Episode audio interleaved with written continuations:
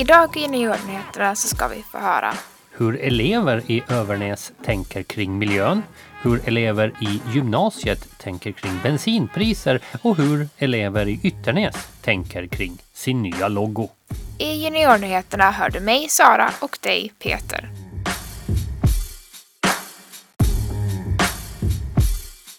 Vi ska börja med vår enkät om unga och miljö och den har du gjort Sara.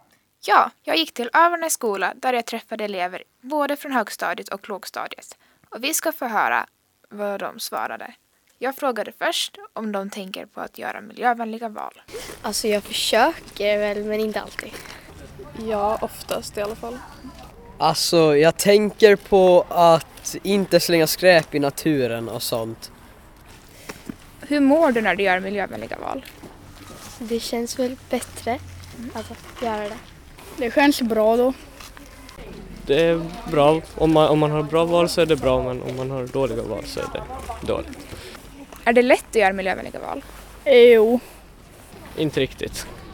Eh, ibland är det ju lättare än vad det annars kan vara.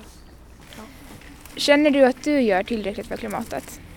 Alltså jag försöker göra det som jag tänker att kan påverka men kanske inte riktigt. Ja, det, det tycker jag. Jag kanske inte gör så mycket som jag kan göra. Men när jag kan, när jag har, när jag har möjlighet så gör jag nog det. Tycker du att samhället gör tillräckligt för klimatet? Ja, de skulle nog kunna göra bättre. Um, nej, inte riktigt. Det finns här som slänger cigaretter i naturen och tuggummi och snus till exempel, så det borde man inte göra. Nej, det tycker jag. Alltså, man, det finns många fler grejer som man skulle kunna göra bättre. Får ni tillräckligt med information om klimatkrisen i skolan? Nej, alltså det är väl ibland som de kan säga något typ kanske en gång per termin eller år. Men... Man brukar nog prata om det typ en gång om året. Så ja, jag tror nog alla är medvetna om det. Från vissa lärare så får man ganska mycket information om det. Uh, ja. Hur tror du klimatkrisen kommer att påverka dig och ditt liv? Uh, ifall man inga gör något åt det kommer jag tror att det kommer bli jättedålig luft så man kommer behöva gå runt med så syrgasmasker som i Kina. Träden kommer försvinna och det kommer bli svårt att andas och så måste man gå med sådana masker. Temperaturen kanske blir varmare och luften blir sämre och man kanske inte kan bo på vissa ställen. Det kan ju bli svårare och typ ta sig till olika ställen om det blir att man inte ska åka lika mycket bil och typ sånt. Och på tal om bilar. Höga bränslepriser hade blivit och på grund av kriget i Ukraina så kan det bli ännu dyrare framöver. Det här påverkar förstås alla vuxna som kör bil, men också de yngre som kör moppebil eller som just har fått körkort. De har ju oftast inget jobb utan går i skola och utan lön blir det ännu svårare att betala för bensin. Vår reporter Johan åkte till Lusse och Yrkes för att höra elevernas tankar om att tanka. Förut kunde jag tanka för 10 euro och då var det ungefär 5 liter då, nästan 6. Och, men nu så om jag till exempel när jag tankade för 6 euro häromdagen så jag fick ju inte ens 3 liter. Jag fick liksom 2,89 kanske. Mm. Så det var ju helt sjukt. Uh, det har gjort det väldigt dyrt, alltså man tänker ju mer på att man ska köra ekonomiskare.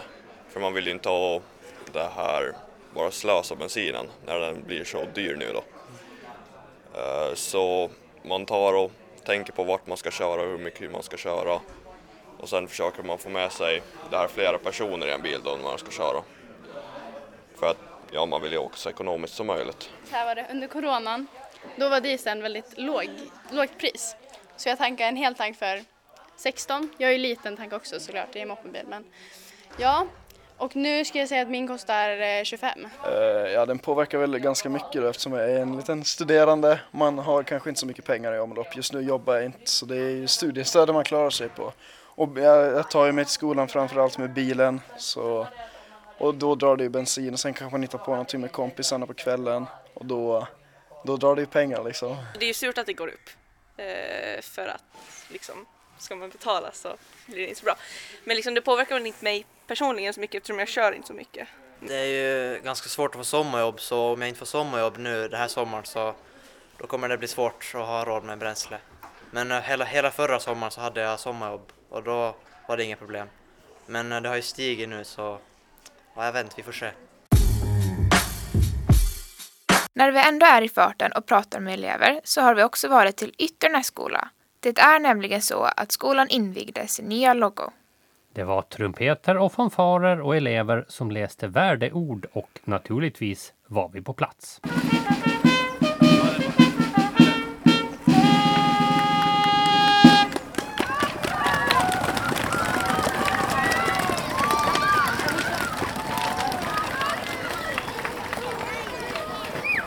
Hej, vad heter du? Vilma. Och vad heter du? Greta Ekholm. Vad gjorde du idag? Alltså vad, vad var din uppgift? Att eh, läsa upp trygghetsskylten inför skolan. Eh, Var det nervöst? Eh, jo, lite då det var så många människor. Mm. Gick det bra då? Jo, det tror jag. Ja. Eh, och vad var din uppgift? Jag skulle säga alla välkomna. Mm. Gick det bra? Ja, Och du var inte nervös för, för att prata inför hela skolan? jag var ganska nervös. Ja. Men det gick bra ändå? Ja, Eh, vad, är, vad är roligast med sånt här tycker du? det är nog att prata inför skolan. Det är ganska kul. Fast det är nervöst? Ja, Vad tycker du eh, Greta att var roligast? Eh, Jag tyckte att det var ganska roligt att stå där och hålla upp skylten och sen prata lite.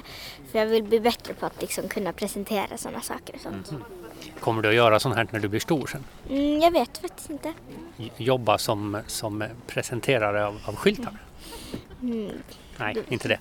Eh, och så ska ni få glass. Vad, vad är bäst? Att prata inför publik eller få glass? Mm, alltså båda är ju kul att göra. Ja.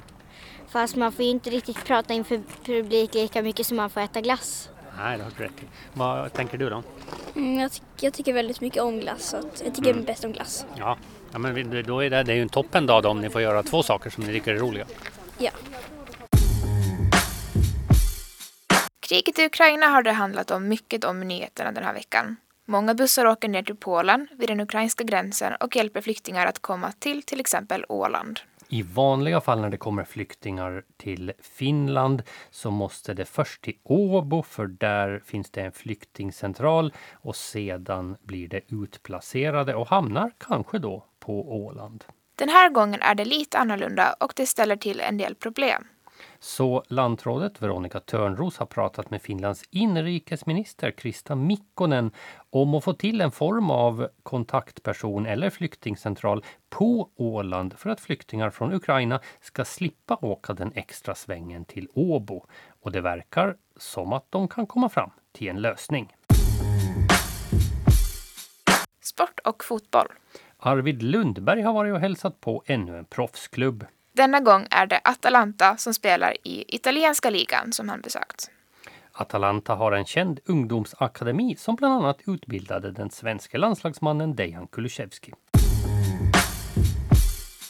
På tal om eh, sport, har du varit och skidat vid Järmundö alpin, Sara? Ja, det har jag. Det är jag inte ensam om. Det har nämligen varit en rekordsäsong för Järmunda. Över 7000 besökare blev det till slut. Hur är det, har du varit lydig i skolan då? Ja, det har jag. Så det är inte mitt fel att skolan har haft svårt att få tag i personal. Enligt den enkät som radion gjorde har 70 procent av skolorna upplevt svårigheter att få tag på bland annat vikarier och assistenter. Men det är alltså inte Saras fel. Det var allt vi hann med i Juniornyheterna denna vecka. Du har hört mig, Sara. Och mig, Peter. Trevlig helg!